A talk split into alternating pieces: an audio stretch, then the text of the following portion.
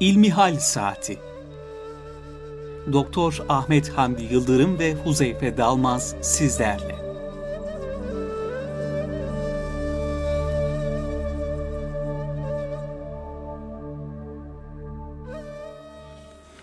Hayırlı sabahlar sevgili dinleyenler. Erkam Radyo'da ben Deniz Huzeyfe Dalmaz ve Ahmet Hamdi Yıldırım hocamla birlikte siz değerli dinleyicilerimizle birlikteyiz. Evet hocam hoş geldiniz. Hoş bulduk. Allah razı olsun. Nasılsınız hocam? Teşekkür ederim. Nihayetsiz hamdü senalar olsun. Evet, değerli dinleyenler yine her hafta olduğu gibi sizlerden gelen sorularla programımıza başlayalım inşallah. Daha öncesini hatırlatmak gerekirse bizlere ulaştırmak istediğiniz sorularınız olursa bilgi.erkamradyo.com elektronik posta adresimize facebook.com slash erkamradyo ve twitter.com slash erkamradyo sayfalarımızdan bizlere soracağınız soruları ulaştırabilirsiniz. Evet, eşek sütü içmek caiz midir? Anne sütüne en yakın süt olduğunu söylüyorlar. Satması caiz midir? diye bir sorumuz var hocam. Bu sorumuzla başlayalım inşallah. Elhamdülillahi Rabbil alemin ve salatu ve selamu ala Resulina Muhammedin ve ala alihi ve sahbihi ecmain. Ee, öncelikle istersen Huzeyfe kardeşim, bugünler Şaban ayına girdiğimiz evet hocam. E, günler Şaban ayının henüz başındayız.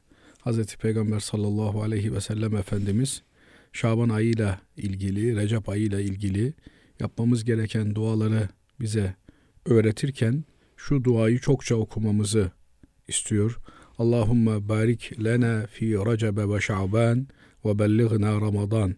Ya Rabbi Recep ve Şaban ayımızı bizlere bereketli kıl, mübarek kıl ve bizleri Ramazan ayına kavuştur. Amin. Yani Recep ve Şaban aylarında Ramazan ayına bir an önce kavuşmanın arzusu, iştiyakı içerisinde olmalı. Aynı zamanda da yavaş yavaş Ramazan hazırlıklarına başlamamız gerekiyor. Bugün e, Şaban'ın ikisi mi, üçü mü? Bugün ikisi. E, dolayısıyla bir ay, bir aydan her halükarda bir aydan az bir zaman kalmış durumda Ramazan ayına.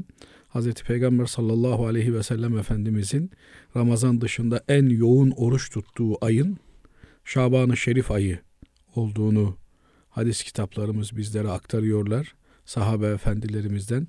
Dolayısıyla bu ayda yoğun bir oruç programına efendim pazartesi ile perşembe ile eyyam-ı bid denilen e, bu kameri ayların, hicri ayların orta günleriyle yoğun bir oruç programına başlamamız aynı zamanda e, eğer direkt Ramazan'la oruca başlarsak Ramazan'ın birinci, ikinci, üçüncü günü bir zorluk oluyor vücut alışana kadar. Evet. Onu da e, telafi etmiş oluruz. Dinç bir şekilde Ramazan ibadetine yoğun bir şekilde koyulma imkanı bizler için olur. E, bununla bunları hatırlatarak başlayalım. Teşekkür ederiz Ee, hocam. sevgili kardeşimiz sormuş tabii eşek sütü. Bugün e, gündemi de e, teşkil ediyor. E, merkep sütü anne sütüne en yakın bir süttür içilebilir mi? İçilebilirse satılabilir de tabii. Ama önce içilebilir mi ona bakalım. E, süt ürünleri Allah'ın etini yemesini helal kıldığı hayvanların sütleri problemsiz bir şekilde kullanılır, tüketilir, içilir. Efendim Allah ineğin etini helal kılmıştır, sütü de helaldir. Keçinin eti helaldir, sütü de helaldir. Koyunun sütü helaldir çünkü eti helaldir. Ama eşeğin sütü helal midir?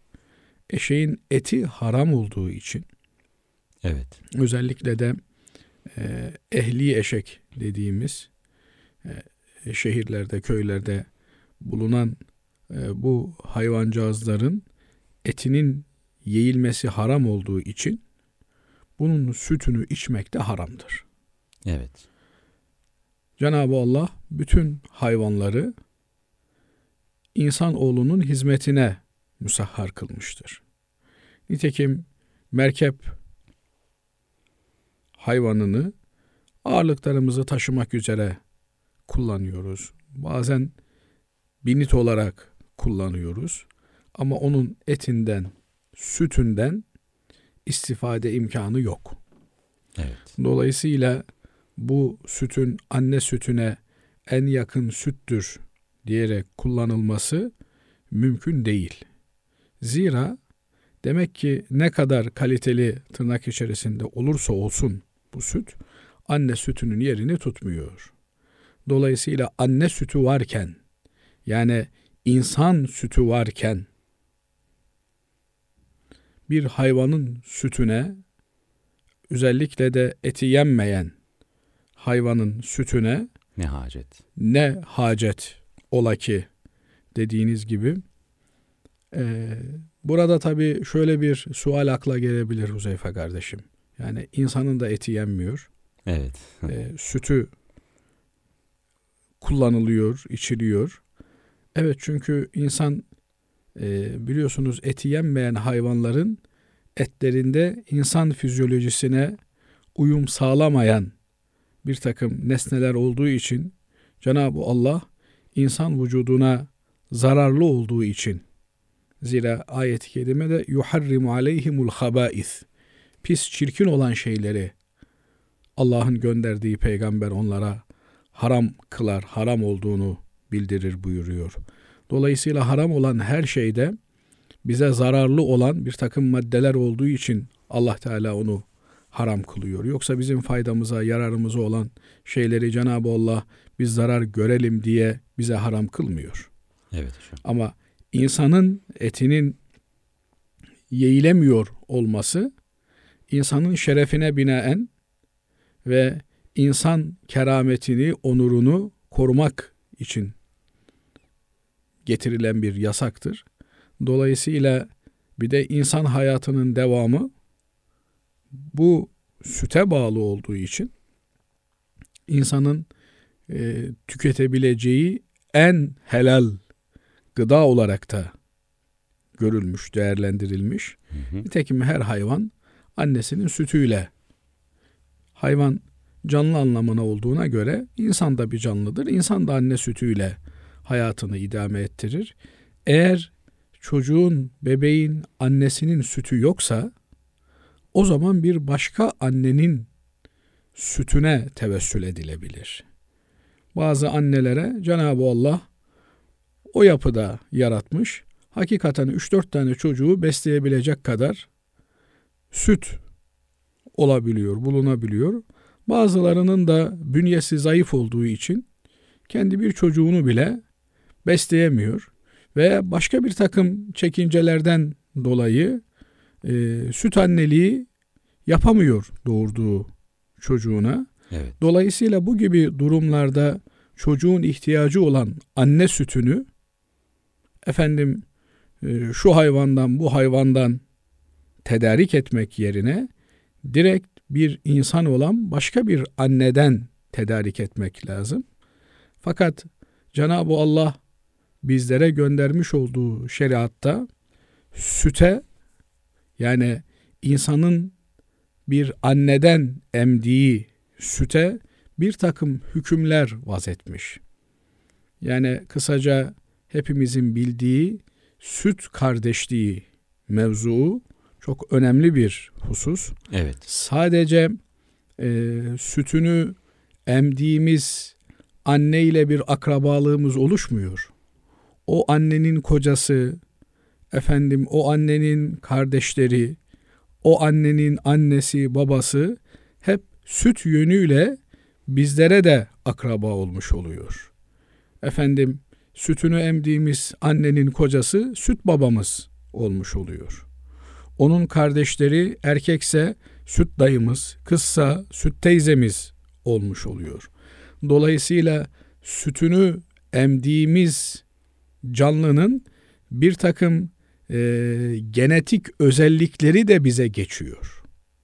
Bu yönüyle mahremiyet biliyorsunuz çok özel ilişkiler tesis edebilen bir düzenleme. Evet. Efendim yabancı bir e, kadınla bir yerde bulunamazsınız. Yabancı bir kadınla seyahat edemezsiniz. e, vesaire vesaire birçok mahremiyetle ilgili hüküm var. Ancak eğer söz konusu olan kadın, kız süt kardeşinizse o sizin öz kardeşiniz gibidir. Evet. Onunla bir arada bulunabilirsiniz, seyahat edebilirsiniz, ziyaretine gidebilirsiniz. O sizin ziyaretinize gelebilir. Onun evinde kalabilirsiniz. O sizin evinizde kalabilir.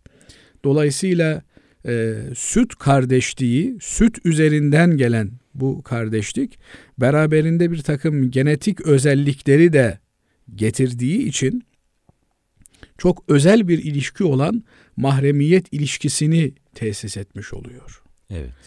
Bu yönüyle e, işte insanın yediği, içtiği nesnelerin vücuduna tesiri söz konusu. İşte bir takım insanlar et yemiyorlar, hayvansal ürün yemiyorlar. Efendim bir takım e, kimseler e, ot ağırlıklı besleniyor. Et yiyenlerde şu karakteristik özellikler zamanla ortaya çıkar deniyor. Evet. Dolayısıyla bu tür e, yabani hayvanların, eti yenmeyen hayvanların sütünün tüketilmesi bir takım zararlı unsurların da onlardan transfer edilmesi, alınması anlamına da geleceği için çok dikkat edilmesi gerekiyor. He ama e, bir zaruret söz konusu oldu Huzeyfe kardeşim. Evet hocam. Yani affedersiniz e, bir bebekle beraber bir adaya öyle affedersiniz Eşekler Adası denilen bir adaya Hı hı. e, düştünüz, mahpus kaldınız. E, o çocukcağızın da e, yaşayabileceği, yiyebileceği, tüketebileceği e, bir şeylere ihtiyacı var. Dolayısıyla orada böyle bir mecburiyetten dolayı merkep sütüne müracaat edebilirsiniz. Ama bir şehirde e, Müslümanların olduğu bir yerde Müslüman e, annelerin, süt annelerin bulunabileceği bir yerde e, hatta gayrimüslim de olabilir. Evet. E, süt annenin bulunabileceği bir yerde süt anneyi değil de bir başka hayvanı tercih etmek anne sütüne yakındır diye pek akıllıca bir şey de görünmüyor. Kesinlikle. Yani anne sütü varken ona yakın olana ne hacet var? Fakat unutmamak gerekiyor ki bu e, süt beraberinde bir hukuk getiriyor. Dolayısıyla çocuk hangi anneden süt emmişse onun kayıt altına alınması gerekiyor. Şahitlerle tespit edilmesi gerekiyor. Süt emdiği e, kadıncağızın ailesiyle bir tür nesep bağına benzer bir bağ kurulduğu için mahremiyet ilişkisi doğmakta ve evlilik yasakları gündeme gelmektedir. Bunların mutlak surette kayıt altına alınması gerekir. Evet. Bu vesileyle şunu da hatırlatalım zaman zaman e, işte süt bankaları kuralım artık kadını maalesef e, huzurundan, rahatından, mutluluğundan ettiler Huzeyfe kardeşim. Evet hocam. Kadına sen evinde oturma, geri kalmış kadınlar gibi çocuğunla, evladınla meşgul olmak sana yakışmaz. Sen kariyer yapman lazım. Çıkman, sokaklarda dolaşman, çalışman, terlemen lazım diyerek kadının huzurunu kaçırdılar. Kadının huzurunu kaçırmakla aslında toplumun huzurunu kaçırdılar. Yani bu e, tüketim e, çağı kadını bir tüketim aracı olarak gördü. Çalışan kadını daha fazla tüketen bir enstrüman olarak gözüne kestirdi. Evet zamanla Onun alışveriş için, çılgınlığı, tüketim e, çılgınlığı. Onun için e, tüketen kadın önemli. Bu yüzden de e, çalışan kadın çok daha değerli onun için. Çünkü tüketiyor. Evinde olan kadın tüketmiyor. Evet. E, hatta bunu e, çok rahat bir şekilde gözlemlemek de mümkün. E, kadın e, evinde kocasına karşı süslenmesi gerekirken evinde e, sıradan durabiliyor. Ama dışarıya çıkacağı zaman yarım saatini, bir saatini ayna karşısında harcayabiliyor. Ve bu süre zarfında da birçok şey tüketiyor. Dolayısıyla e, sokağa çıktığı için kadın evinde duramadığı için e, bu sefer ya çocuk yapmıyor, çocuk yapsa da onu beslemek, emzirmek problem haline geliyor. Bu yönüyle de bünyeler zayıf kaldığından, efendim birçok e, ruhi hastalıklar söz konusu olduğundan, depresyon en başta olmak üzere, bu kapitalist dünyanın, acımasız dünyanın bizlere lütfettiği, tırnak içerisinde bahşettiği en güzel şeylerden bir tanesi depresyon. Herkes depresyonda. Kadınlarımız daha fazla maalesef bu hastalığa maruz kalıyorlar.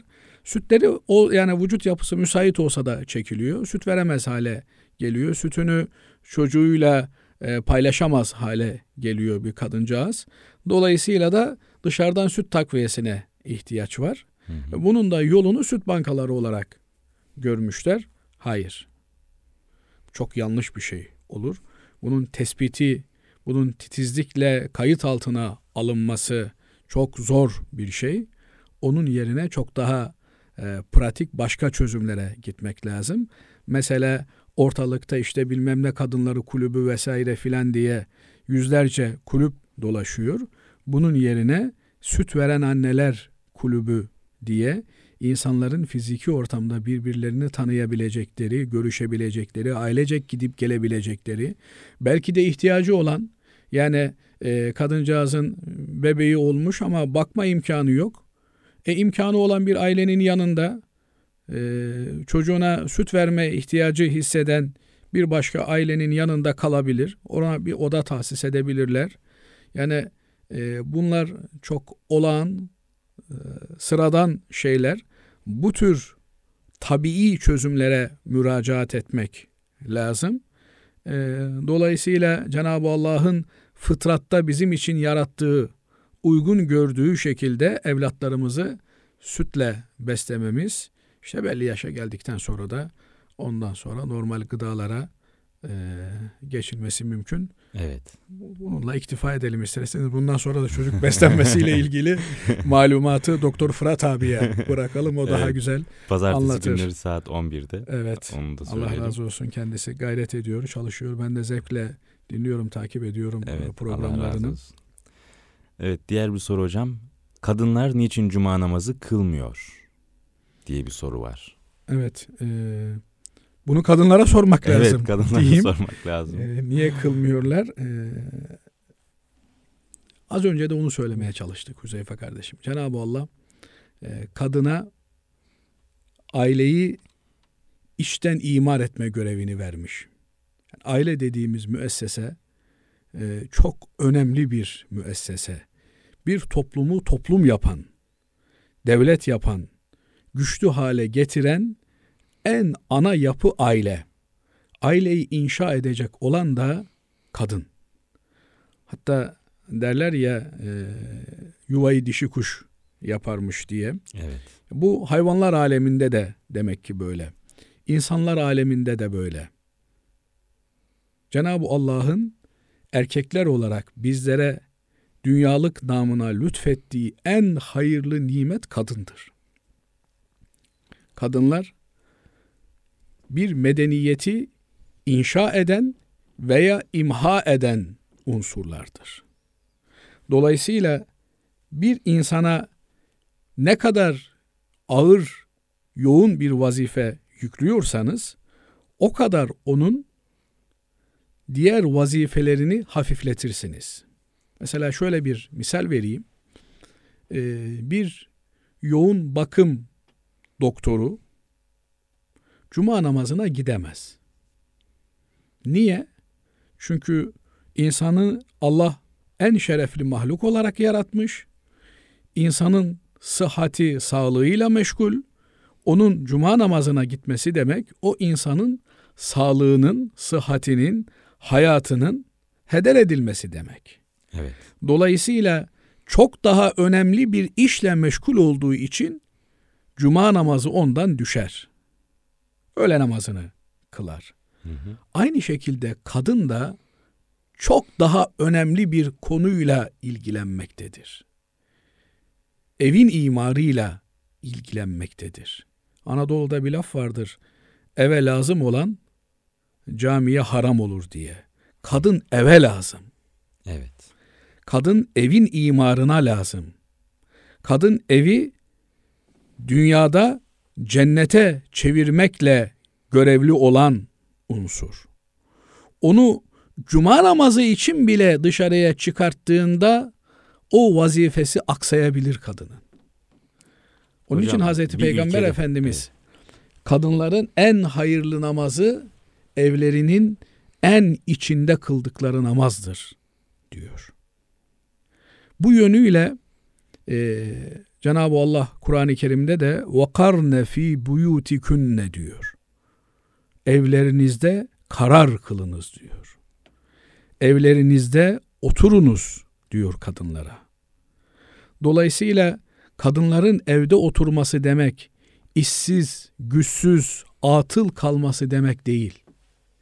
Birileri dışarıda koştururken yani toplumda bir rol dağılımı söz konusu. Birileri dışarıda koştururken birilerinin de geriden olayı gözetlemesi, gözlemlemesi ve bir hattı hareket, bir gidişat tayin etmesi gerekiyor. Dolayısıyla kadın evinde geleceği idare edecek, dünyayı idare edecek planlamayla meşgul. Bu planlamanın başında da insan yetiştirmek geliyor. Evet. Ve bizim tarihimiz boyunca annelerimiz, anneannelerimiz, babaannelerimiz o dünyayı fethedecek insanı ta kundaktan itibaren ninnileriyle eğitmeye başlamışlar. Mesela bizim kültürümüze baktığınız zaman erkek çocuk ağlamaz. Bu böyle erkek egemen bugünün feministlerinin dediği gibi erkek egemen işte çocuklar böyle küçüklükten beri yetiştiriliyor filan bunların bir uzantısı değil. Yani sana zor görevler düşüyor. Sen öyle hemen düştün, ayağını incittin, ağlayacak olursan e sen cihat meydanında ne yapacaksın?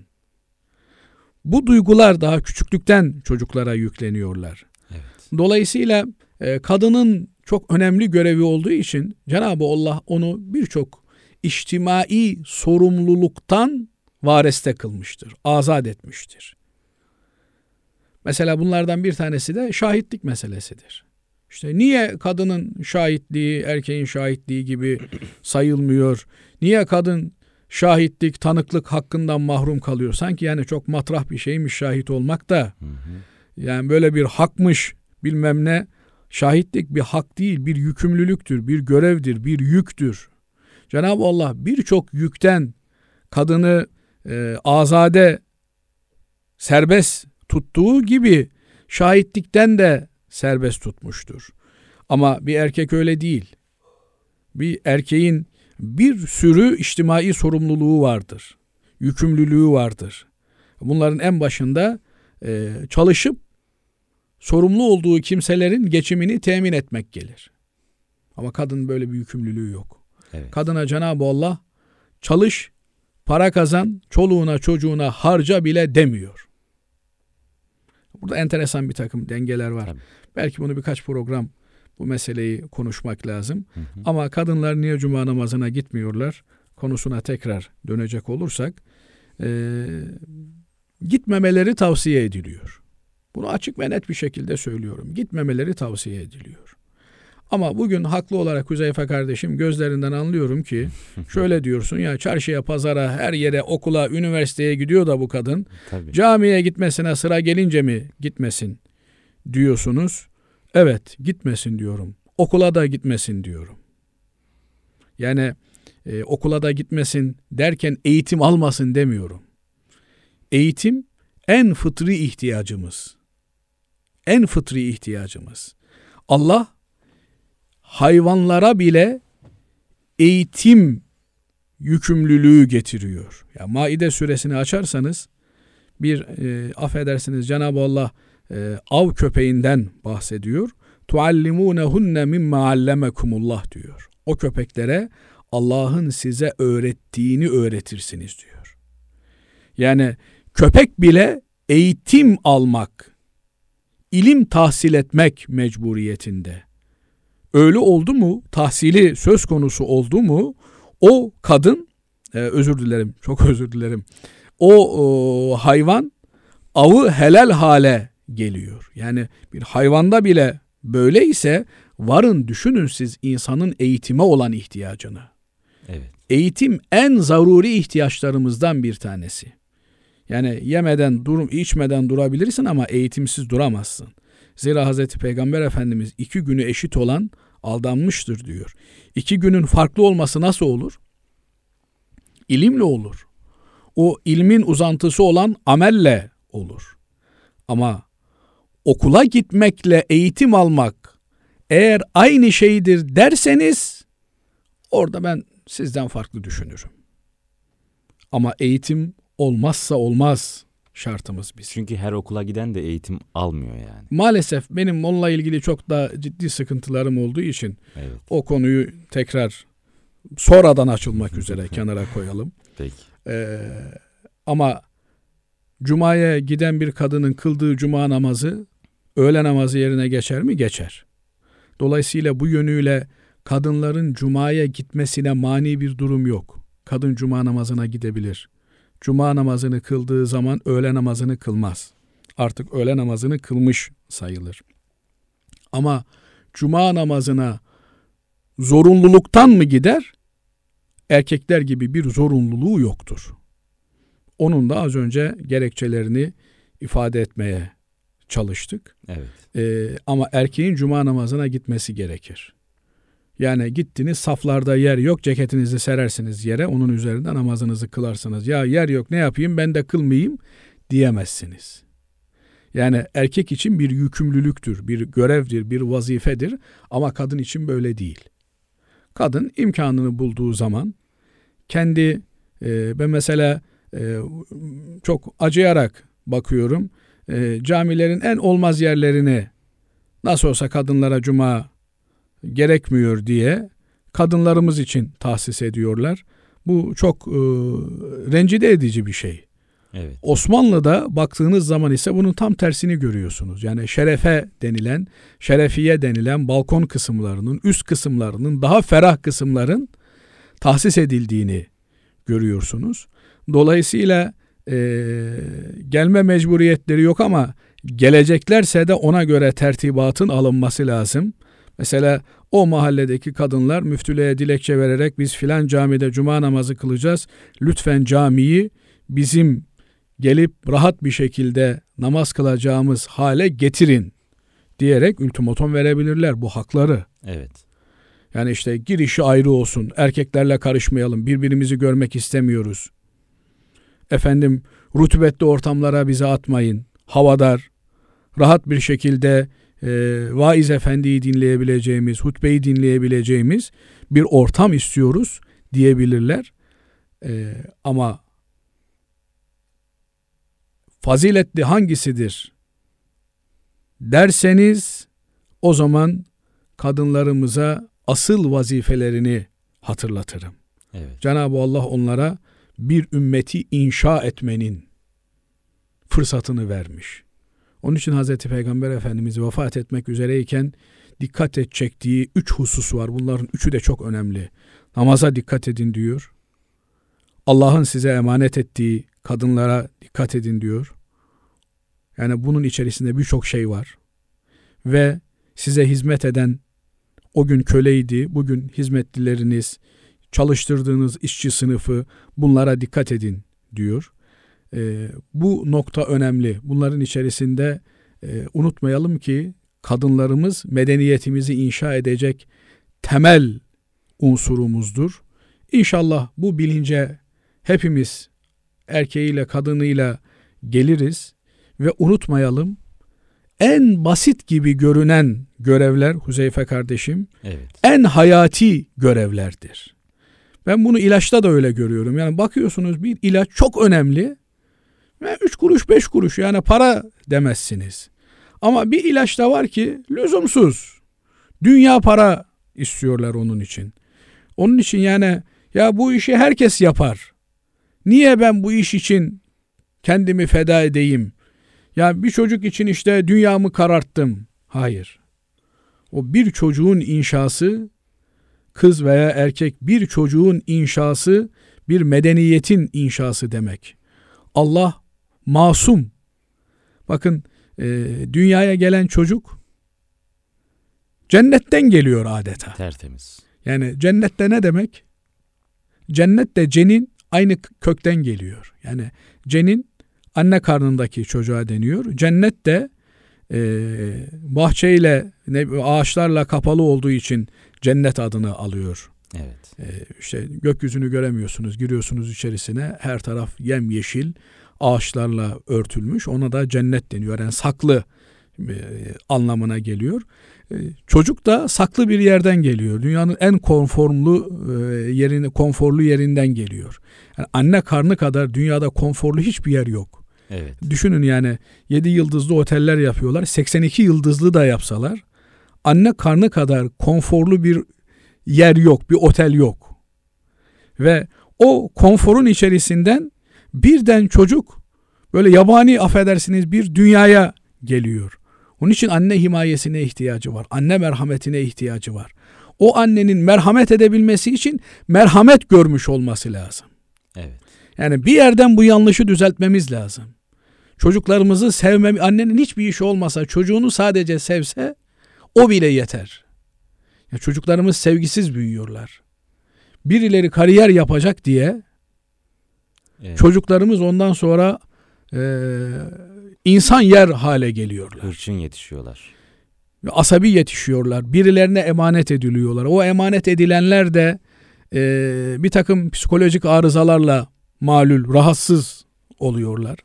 Dolayısıyla Allah cuma namazı gibi ümmetin en önemli namazı. Bakın cuma namazı bayram namazlarından da önemli. En önemli namazı cümle, ümle, ümmetin.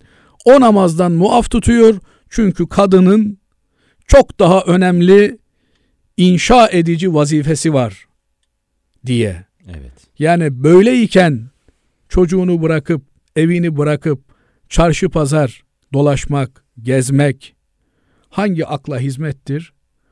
Onu da Cenab-ı Allah'ın merhametine, lütfuna sığınarak bizlere ilham etmesini Mevla Teala'dan niyaz ve istirham ederiz. Evet hocam. İçki içilen ortamda namaz kılınabilir mi diye bir sorumuz var hocam. Evet, e, namazın şartlarını biliyoruz. Evet. İşte altısı içinden, altısı dışından diye eskilerimiz böyle bir kolaylamaya gitmişler. Öğrenmesi kolay olsun diye. 32 farzın içinde de geçer. E, altısı dışından dediğimiz şartları, altısı içinden dediğimizde namazın rükünleri. Namazın rükünleri dediğimiz namazı inşa eden unsurlar. Bir de dış hazırlığı var. Bu inşa öncesi. Bu dış hazırlığın içerisinde temizlik ana madde. Temizliğin maddi ve manevi temizlik olması gerekiyor. Manevi temizlik işte abdestimiz yoksa abdest alıyoruz. Büyük abdest, küçük abdest neyse. Maddi temizlikse vücudumuzda namaz kılacağımız yerde bir pisliğin bulunmaması anlamına geliyor. Evet.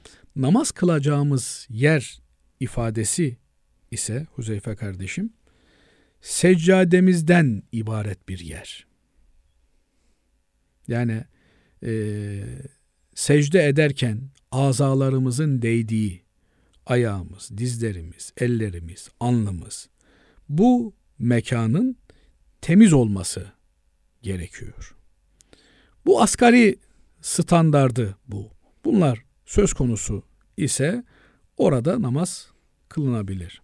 Ama bir Müslümanın içki gibi Allah'ın lanetlediği bir şeyin satıldığı, tüketildiği, ticaretinin yapıldığı bir yerde bulunması doğru bir şey değil. Nitekim Hz. Peygamber sallallahu aleyhi ve sellem Efendimiz çetin bir sefer dönüşü asker yorgun, bitkin olduğu halde Lut kavminin helak edildiği yerden geçerken hızlı buradan geçin. Oradaki gölden su alanları yasaklıyor, sularınızı boşaltın diyor. O suyla hamur yapılmışsa o hamurları döktürüyor. Niye? Burada Allah bir kavmi helak etti diyor. Buraya bir lanet sindi diyor. Buradan hızlı geçmek lazım diyor. Dolayısıyla e, Allah'a isyan edilen Tekim ayeti kerimelerde de Allah'a isyan edilen, Allah'ın ayetleriyle dalga geçilen yerlerde oturmayınız buyuruyor Cenab-ı Allah. Öyle kimselerle beraberlik tesis etmeyiniz, kurmayınız buyuruyor. Bunun içerisine televizyonu da katabilirsiniz. Yani bir dizi izliyorsunuz. Orada Allah'ın haram işte e, ettiği şeyler işleniyor. Onu izlemeniz de bu ayetin fahvasına, muhtevasına girebilir. Oradan da uzak durmak gerekiyor. Kaçmak gerekiyor. Çünkü Efendimiz Aleyhisselatü Vesselam bir hadis-i şeriflerinde sizden biri bir çirkinlik, münker gördüğünde onu eliyle düzeltsin diyor. Düzeltemezse diliyle düzeltsin diyor. Onu da yapamazsa o zaman imanın en zayıf olan mertebesi kalbiyle buğz etsin diyor. Buğz etmek fiziki olarak oradan uzaklaşmak anlamına geliyor. O mekanı terk etmek anlamına geliyor. Ama eğer namaz kılacak başka bir yer bulamıyorsa bir Müslüman yine hacette orada kılabilir. Fakat sokak dahil olmak üzere sokakta kılabiliyorsa sokakta kılar. Kılabiliyorsa diyorum çünkü maalesef dünyayı artık yaşanılmaz hale getirdi bir takım vahşi güçler. Evet. Bunların tek derdi ben rahat yaşayayım da benim haricimdeki herkes bunun için ölmüş kalmış hiç önemli değil. Evet. İslamfobya diye Avrupa'nın birçok yerinde artık Müslüman gördüğünde öcü görmüş gibi bir dönem e, vahşi batıda biliyorsunuz cadı avcılığı vardı. Şimdi onun yerini Müslüman avcılığı almış durumda. Allah muhafaza etsin. Bu ama bir zamanlar batıdaydı sadece hocam. Şimdi Orta Doğu'ya da e, yöneldi. Sadece batıda yok vahşiler. Orta Doğu'da da çok vahşiler var. Allah hepimizi vahşetten korusun. Amin. Ünsiyet nasip. Vahşet biliyorsunuz yalnız kalmak demek. Öyle mi hocam? Tabii. Vahşi hayvan deniyor. Niye? Yani doğada tek başına yaşayan hayvan anlamına geliyor. Ee, dolayısıyla vahşetin karşıtı ünsiyet demek. Evet. Ee, ins de insan da e, ünsiyet kuran bir canlı olduğu için yani hemhal e, olabilen hem cinsleriyle beraber e, bir e, toplum oluşturabilen bir varlık olduğu için insan denilmiş. Dolayısıyla eğer bir kimse vahşete düşmüşse yani tek başına kalmış Allah'tan uzaklaşmışsa ondan her şey beklenir. Ama Allah'la üns kurmuşsa Cenab-ı Allah'a yakınlaşma imkanı bulmuşsa kalbi olarak, fiziki olarak Allah'la bir e, temas, yakınlık ihdas edebilmiş ise o insanın bırakın bir insana, bırakın bir canlıya, bırakın bir nebata, onun bir cemadata bile zarar vermesi mümkün ve muhtemel olmaz. Evet. Onun için tekrar dağıtmadan sorumuza dönecek olursak e, bu tür e, Kur'an'ın ifadesiyle pislik, Evet hocam. şarap ve benzeri veya efendim ne bileyim e, bir mezbaha her taraf kan içerisinde e, böyle bir yerde e, namaz kılmak doğru değil. Ama başka bir yer yoksa, güvenli bir yer yoksa buraya temiz bir seccade serip buralarda namaz kılınabilir. Evet. Kadınların dışarıda spor yapması caiz mi? Veya koşu yapması diye bir sorumuz var hocam. Ama herhalde İkinci bu soruyu e, Yani cevaplamış e, olduk evet, cevaplamış zannediyorum. olduk. E, kadınların spor yapması elbette gerekiyor. E, çünkü eğer bizim yeme alışkanlığımız böyle devam ederse spor yapmadan hareketsiz bir hayat tarzı sürmek netice itibariyle çok ciddi sıkıntılar doğurabiliyor. Evet. Bu ilk önce bizim yeme alışkanlıklarımızla alakalı bir şey. Dolayısıyla böyle yemeye devam ediyorsak muhakkak hareket etmemiz gerekiyor. Ee, ayrıca Hz. Peygamber sallallahu aleyhi ve sellem Efendimizin Ayşe validemiz ile radıyallahu teala anha bir yarış yaptığı rivayet edilir. Hatta e, bir defasında yarış yapmışlar. Hazreti Ayşe validemiz geçmiş. Evet. Sonra Ayşe validemiz e, rivayet ediyor bir hadis-i şeriflerinde. Oradan biliyoruz. İkinci bir yarış daha Efendimiz hadi bir yarış yapalım mı demiş. Bir yarış daha yapmışlar. Bu sefer diyor ki herhalde biraz et bağladım diyor Ayşe validemiz. Biraz e, formumdan düştüm, kilo aldım diyor. Hazreti Peygamberimiz beni geçti. Bu diyor o önceden beni geçtiğine mukabildi diyor. Yani adeta rövanşını, Rövanşını aldım diyor Hazreti Peygamber sallallahu aleyhi ve sellem Efendimiz. Bunlar aile birlikteliği ve bütünlüğü için önemli şeyler. Yani karı kocanın ortak bir şeyler yapması, bir şeyleri paylaşması. Bunun içerisinde e, spor da dahil. E, dolayısıyla her türlü aktiviteyi karı koca ortak bir şekilde birbirleriyle e, güzel vakit geçerek, geçirerek gerçekleştirebilirler. Fakat yabancı erkeklerin karşısında, onların e, olduğu ortamlarda kadın kendini e, çekmeli, gözden ırak bir hayat sürme noktasında kararlı olmalı. Evet. Yani e, bu biliyorsunuz Yakup Aleyhisselam da çocuklarına e, Mısır'a gönderirken hepiniz aynı kapıdan girmeyin diyor. Ayrı ayrı kapılardan girin diyor. Tefsirlerimiz diyor ki bir göz değmesinden korkuyordu diyor. Yani kardeşim ne var? İşte kadın erkek oturmuşuz, göz göze gelmişiz.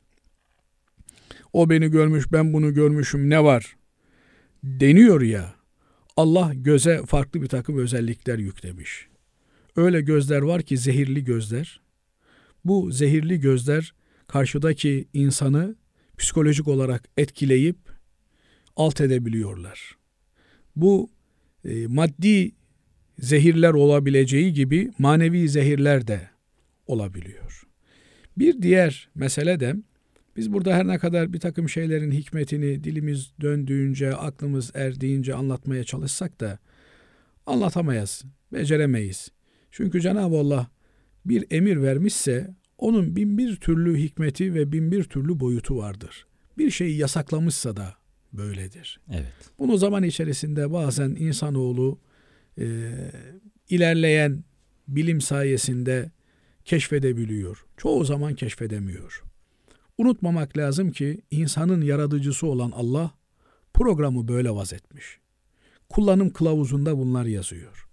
Bu kullanım kılavuzuna aykırı hareket edecek olursak uzun vadede arızalar veriyor. Ama biz o arızayı tespit etmekten de aciz kalıyoruz. Bakıyorsunuz şimdi karı koca evlilikler mutsuzlukla neticeleniyor. Boşanma oranları artıyor. Bütün bunların e, derinlemesine tahlilini yaptığınız zaman bu tür yasaklara olan lakaytlığımız karşımıza çıkıyor. Yani Allah kadınla erkeğe sınırsız özgürlük vermiş. Helal dairesi içerisinde. Evet. Yani çok spesifik bir takım şeyler yasaklanmış. O da fıtrat dışı şeyler olduğu için, fıtrata aykırı şeyler olduğu için. Bunun haricinde karı koca arasında yasak diye bir şey yok. Ama eğer siz e, kadını dışarıya çıkartır, erkeği dışarıda e, içeride göremeyeceği kadar renkli bir dünyanın içerisine salarsanız o zaman tatminsizlikler başlıyor işte. Adamcağız işine gidiyor bakıyor ki o cennete gelmişim diyor. Evet. Ondan sonra evine gittiğinde evini beğenmez hale geliyor. Kadın dışarıya çıkarken işte sözünü etmeye çalıştığımız Evet. gibi bir takım endişelerle kendini beğendirme endiş bu fıtri bir şey. Yani dışarıya çıktı mı bu olacak zaten. Başka bir şeyin olması mümkün değil. Ama Allah'ın bizden istediği siz eşler olarak birbirinize libas olun, elbise olun, birbirinizi örtün, dışarıdaki bütün kötülüklere karşı örtün. O örtünün içerisinde ise siz siz olarak yaşayın. Bir başkasına benzemeden, onun karısı, onun adamı diye bir kıyaslama yapmadan. Şimdi e, baktığınız zaman e, kadınlar işte bak filanca ne kadar iyi bir adam işte bak filanın kocası ne kadar iyi. Hepsi, hepsi, şey e, o kadına söyle bu kocayı met ediyor. Niye? Dışarıya çünkü maskeli çıkıyoruz. Evet. Onun için Hazreti Peygamber Efendimiz diyor ki sizin en hayırlı olanınız evine en hayırlı olanınızdır diyor. Niye? Çünkü evde maskelerimizi çıkartıyoruz. Makyajlarımızı temizliyoruz. Tabii halimizle bulunuyoruz. Dolayısıyla siz tabii halinizde iyiyseniz iyisinizdir. Dışarıda makyajlı halinizle efendim ne bileyim e, maskeli halinizle iyi olmak işte filmde seyrediyoruz. Birine iyi rol vermişler, birine kötü rol vermişler. Hı. Aa ne kadar iyi adam. Ama orada o rol kesiyor. Evet. Dolayısıyla asıl halimiz, sade, fıtri, tabii olan halimiz evimizdeki halimiz. Onun için Hazreti Peygamber Efendimiz diyor ki sizin en hayırlınız eviniz evinde çoluğuna çocuğunuza hayırlı olanınızdır diyor. Bu yönüyle e, eşler olarak birbirimize olabildiğince açılıp dış dünyaya olabildiğince kapanmamız gerekiyor. Tırnak içerisinde evet, bu bağlamda söylüyorum. He, kadınların spor ihtiyacını karşılamak için tedbir almak da kocalarının vazifesidir. Ona göre ne bileyim mesire yerlerine gidebilirsiniz. Bir takım e, salonlar vesaireler oluşturabilirsiniz. Bu yönüyle de bu fıtri olan ihtiyacın karşılanması gerekir. Ama anlatmaya çalıştığımız gibi gözlerden ırak. Özellikle de erkeklerin zehirli gözlerinden ırak bir şekilde bunu yapmayı Cenab-ı Allah bizlere tavsiye ediyor. Bunu yapabilirsek dünya ve ahiretin güzelliğini yaşarız. Huzeyfe kardeşim Allah'a kul olmak o kadar zevkli bir şey ki. Evet hocam. O kulluğun tadını, o kulluğun lezzetini hissedebilmeyi Cenab-ı Allah hepimize nasip eylesin. Amin. Hocam Allah razı olsun. Cümlemizden teşekkür ederim. Sayenizde e, değerli dinleyenlerimizle buluşma imkanı buluyoruz. Estağfurullah hocam. Programı hazırlıyorsunuz, soruları getiriyorsunuz. Estağfurullah. Çok çok teşekkürler Huzeyfe kardeşim. Ben teşekkür ediyorum hocam. Evet değerli dinleyenler bu haftada İlmihal Saat programımızın sonuna geldik.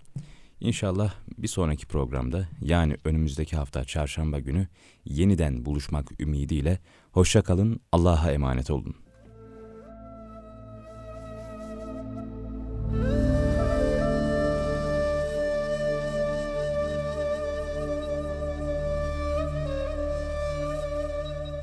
Erkam Radyo'da Doktor Ahmet Hamdi Yıldırım ve Huzeyfe Dalmaz'la İlmihal Saati programını dinlediniz.